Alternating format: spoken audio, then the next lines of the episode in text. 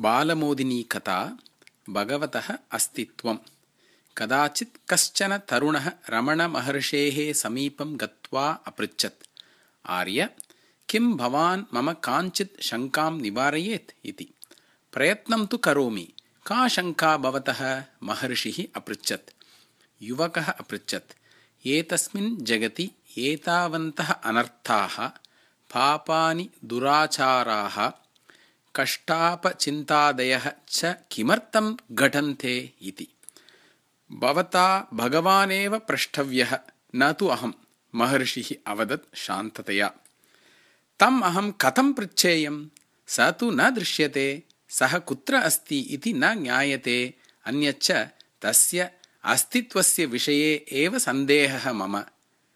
भगवतः अस्तित्वस्य विषये एव सन्देहः सः कथम् उत्पन्नः भवति? तत्तु सहजम्। यावत् ईश्वरः दृष्टिगोचरः न भवेत् तावत् तस्य अस्तित्वस्य विषये श्रद्धा अपि न भवेत्। लोके एतत् सहजं खलु? तदा रमणमहर्षिः मन्दहासपूर्वकम् अवदत्। युक्तः अस्ति भवतः तर्कः। अहं भवन्तं कञ्चित् प्रश्नं प्रष्टुम् इच्छामि। किं भवति बुद्धिमत्ता अस्ति तत्र नास्ति एव सन्देहः। सा अस्ति इति कारणतः एव अहम् एवं पृच्छन्नस्मि भवन्तं तरुणः अपि हसन् अवदत्।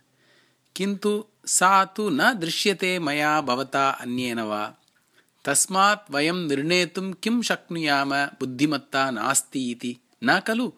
बुद्धिमत्ता तु सर्वस्मिन् अपि जने भवति एव इति भावयामः वयं तस्याः अस्तित्वस्य विषये न कस्यापि सन्देहः एवमेव चिन्तनीयं भगवतः विषये अपि।